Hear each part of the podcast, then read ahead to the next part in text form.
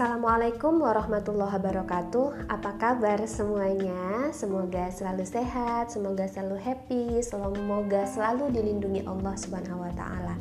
Oke, kali ini jumpa lagi dengan aku Maida. Kita kembali ke ruang ngobrol Maida untuk ngobrolin hal-hal yang memang pantas buat diobrolin dan seru buat diobrolin dan pastinya no gibah.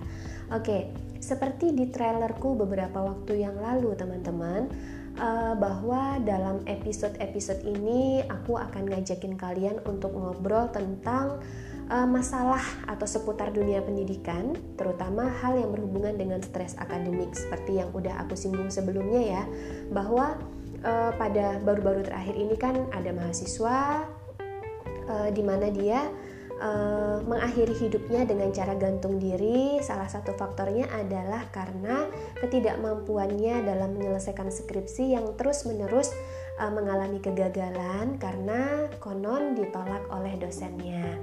Nah, teman-teman uh, kalau melihat pada fenomena itu sebenarnya itu adalah salah satu bentuk dari indikasi adanya stres yang mengarah pada depresi karena stresor yang dia hadapi itu uh, tidak terselesaikan dengan cara yang tepat atau dengan cara yang baik. Nah, jadi sekarang buat lo semua atau buat kalian semua yang lagi merasa stres kayak aku, yuk ngumpul yuk di sini kita ngobrolin bareng tentang stres terutama stres akademik.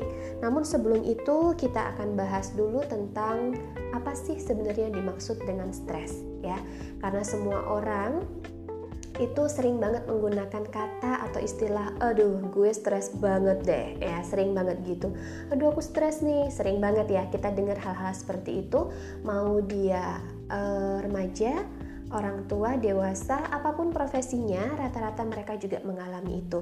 Intinya dalam hal ini aku pengen bilang ke kalian bahwa kalau kalian stres, lo nggak sendiri guys, gitu ya. Aku, lo, terus kemudian mereka juga mengalami stres. Jadi kita sama. Nah, sekarang gimana sih atau apa sih seperti apa sih stres itu? Intinya gini, Stres itu bisa dialami oleh semua orang pada semua segmen kehidupan, rumah tangga, sekolah, pekerjaan, ya, e, sosial, persahabatan itu juga ada stresnya tersendiri. Jadi setiap orang itu intinya bisa ngalamin stres, namun tinggal kadarnya antara orang yang satu dengan orang-orang yang lain itu beda-beda. Belepotan ya gue ya. Nah Uh, bahkan jangka waktu seseorang mengalami stres sampai pada proses penyelesaian stres itu juga beda-beda teman-teman ya. Jadi balik lagi aku mau bilang bahwa nggak bisa disamain nih uh, stresnya kamu stresnya aku dengan stresnya mereka. Dan juga nggak boleh lo ngejudge stresnya dia ya uh, atau kondisi stresnya aku dengan stresnya mereka. Intinya adalah bahwa ini masalah kita sendiri yang di mana sebenarnya penyelesaian masalahnya adalah memang seharusnya dilakukan oleh diri kita sendiri tentunya dengan backup oleh lingkungan sih ya. Nah uh, stres itu uh, pada beberapa literatur teman-teman bisa mengenalnya atau dikenal dengan istilah gangguan mental yang dihadapi oleh seseorang akibat adanya tekanan-tekanan tertentu. Nah, tekanan ini muncul dari kegagalan individu dalam memenuhi kebutuhan atau keinginan pribadinya, karena tekanan ini bisa berasal dari dalam diri atau dari luar diri. Nah, kalau mengutip pendapatnya Robbins, ya dia mengatakan bahwa stres itu merupakan satu kondisi yang menekan keadaan psikis seseorang dalam mencapai sesuatu uh, suatu kesempatan di mana untuk mencapai kesempatan tersebut terdapat batasan atau penghalang. Sederhananya gini, ada harapan-harapan yang ingin kita capai, ada tujuan yang ingin kita capai, tapi dalam proses mencapainya nih teman-teman, kita uh, balik merasa tidak mampu, tapi kemudian dipenuhi dengan tuntutan-tuntutan dari lingkungan, termasuk dari tuntutan tuntutan kita pribadi, itu bisa menjadi atau itu bisa disebut sebagai stres. Nah, uh, Hyman dan Kerif dia malah bilang seperti ini teman-teman stres merupakan satu ketidakseimbangan yang besar antara permintaan yang berupa, berupa fisik atau psikologis dengan kemampuan respon di mana terjadinya kegagalan untuk memenuhi permintaan yang memberi konsekuensi yang esensial artinya apa? stres ini menjadi satu hal yang urgent untuk diperhatikan karena ternyata uh, meskipun ini dialami oleh setiap orang, tapi ada efek-efek yang penting ya, yang negatif yang akan terjadi pada seseorang tersebut kalau dia mengalami stres, terutama stres yang negatif ya teman-teman ya. Jadi akumulasi stres itu adalah satu keadaan di mana seseorang tidak mampu dalam mengatasi atau mengendalikan stresnya atau mengendalikan tekanan-tekanan dalam hidupnya dia. Jadi nih, supaya nggak stres, maka penting untuk tahu gimana cara mengatasi atau mengendalikan stres. Kenapa? Karena stresnya nggak bisa dihindarin ya. Jadi uh, pada kasus dunia pendidikan terutama nih teman-teman, stres itu uh, apa ya uh, perlu ditangani. Kita nyebutnya stres akademik gitu ya. Perlu ditangani karena ini akan berdampak pada banyak hal, misalnya uh, kalau tidak terselesaikan dengan baik, teman-teman yang mengalami stres akademik itu bisa menunjukkan prestasi yang menurun, kompetensinya juga menurun, bahkan profesionalitas dan kesehatannya juga menurun.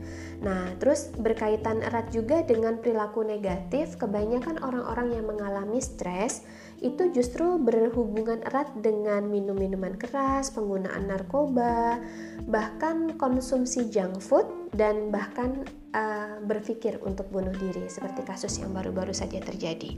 Jadi, stres yang tidak mampu dikendalikan dan diatasi oleh setiap orang akan memunculkan dampak negatif. Itu bisa kita bagi, bisa dalam hal kognitif, fisiologis, juga bisa dalam hal emosional. Nah, pada mahasiswa dampak negatif kognitifnya itu muncul seperti sulit untuk konsentrasi, sulit mengingat pelajaran dan sulit memahami pelajaran. Nah, kalau pada sisi emosional eh, mereka yang mengalami stres terutama dalam hal akademik ini akan sulit untuk memotivasi dirinya eh, dalam mencapai harapan-harapan yang sudah dia tetapkan atau dia inginkan terus sering mengalami kecemasan-kecemasan, dilanda kesedihan, terus bahkan mengalami perasaan marah dan perasaan frustrasi.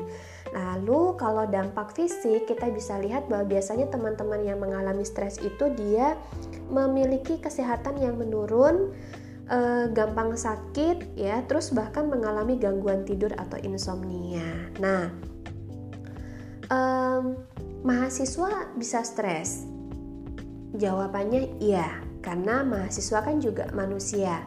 Dalam dunia pendidikan yang namanya studi itu banyak sekali tuntutan-tuntutan. Nah, sumber stres pada mahasiswa ini terkait erat dengan kehidupan akademik tentunya yang dipersepsi menjadi beban oleh setiap mahasiswa tersebut Uh, kenapa kok itu bisa terjadi? Karena ini terkait erat dengan tuntutan eksternal dan internal seperti harapan orang tua, harapan dosen, tugas-tugas kuliah, bahkan termasuk harapan pribadi akan kesuksesan yang sudah dia tetapkan atau yang dia cita-citakan.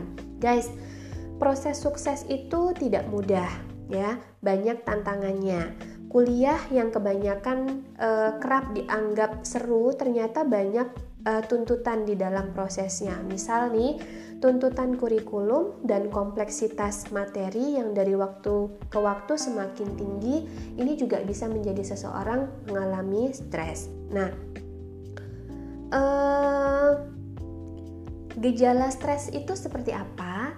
Uh, kalau tadi aku sempat singgung tentang masalah dampak kognitif, fisiologis, emosional, sebenarnya gejala stres itu juga bisa dilihat dari eh, hal-hal uh, seperti itu juga. Misal kalau dari fisik tadi saya sudah sebut uh, insomnia, mudah lelah, terserang diare, urat tegang terutama di bagian tengkuk dan bahu.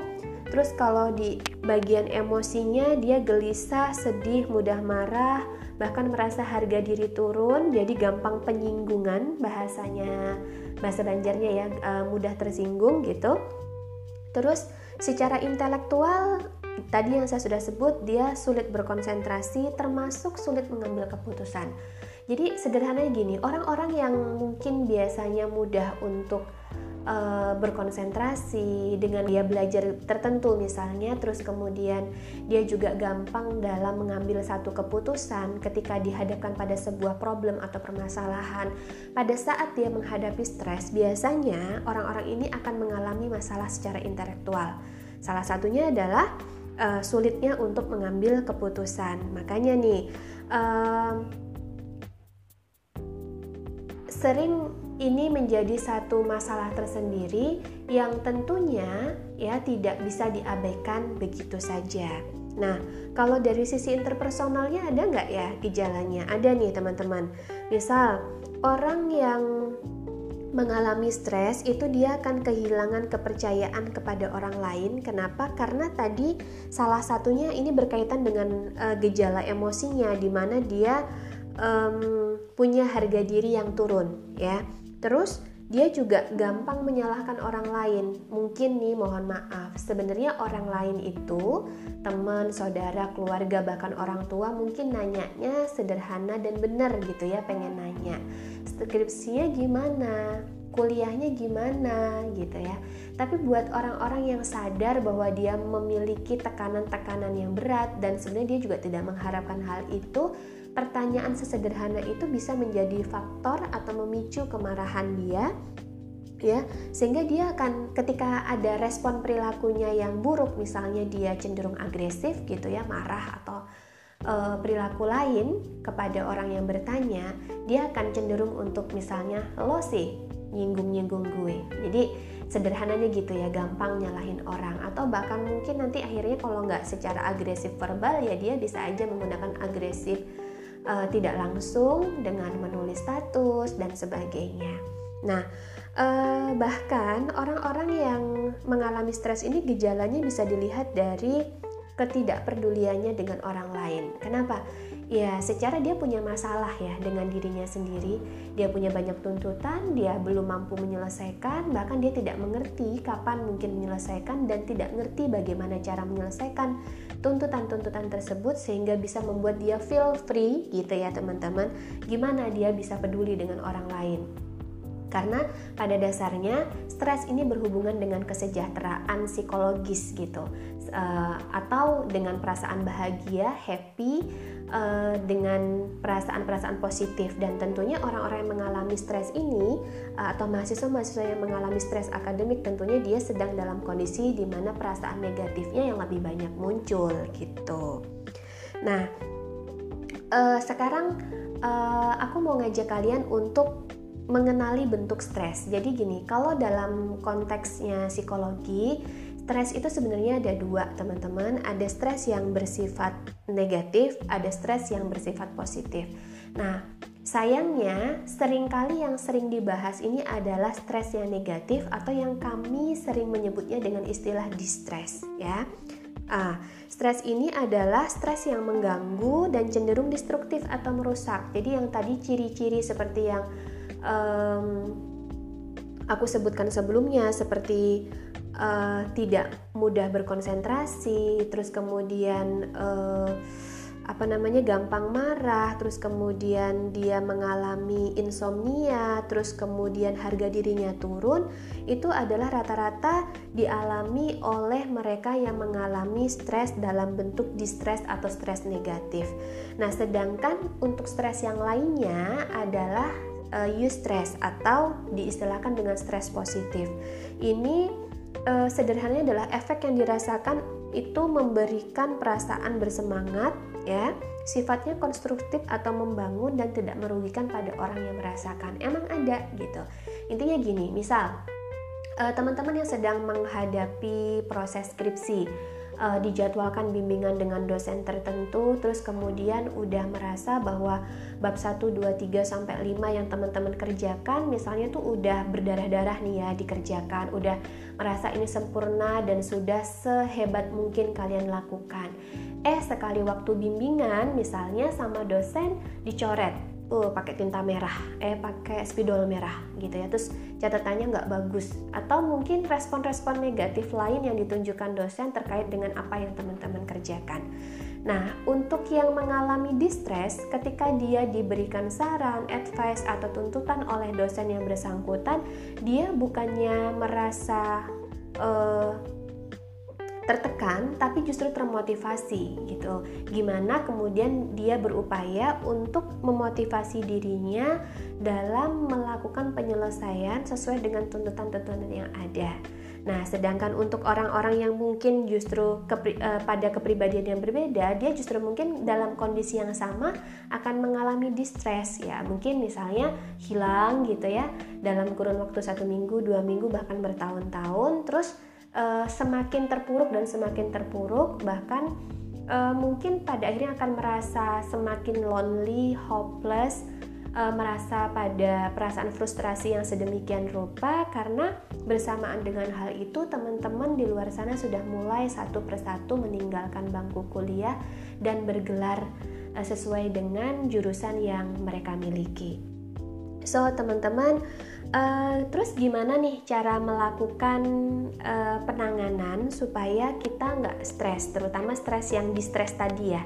Karena kalau eustress itu justru tetap harus ada dan harus kita miliki supaya kita selalu bersemangat dan termotivasi untuk melakukan hal-hal yang konstruktif dalam hidup kita atau dalam tantangan-tantangan yang kita punya. Nah, bagaimana gambaran detail mengenai uh, proses penanganan stres? Aku akan bahas dari sisi dua hal ya, dua sisi. Yang pertama dari sisi penyesuaian diri terhadap stres sama strategi coping yang tepat yang bisa dimiliki oleh kalian yang sedang mengalami stres akademik terutama dalam penyelesaian skripsi kalian. Nah, tapi ini akan aku bahas pada episode selanjutnya. Jadi jangan lupa untuk tetap stay tune di ruang ngobrol bersama aku, Maida, untuk ngobrolin hal-hal yang memang pantas buat kita obrolin dan pastinya no gibah. Bye bye. Assalamualaikum.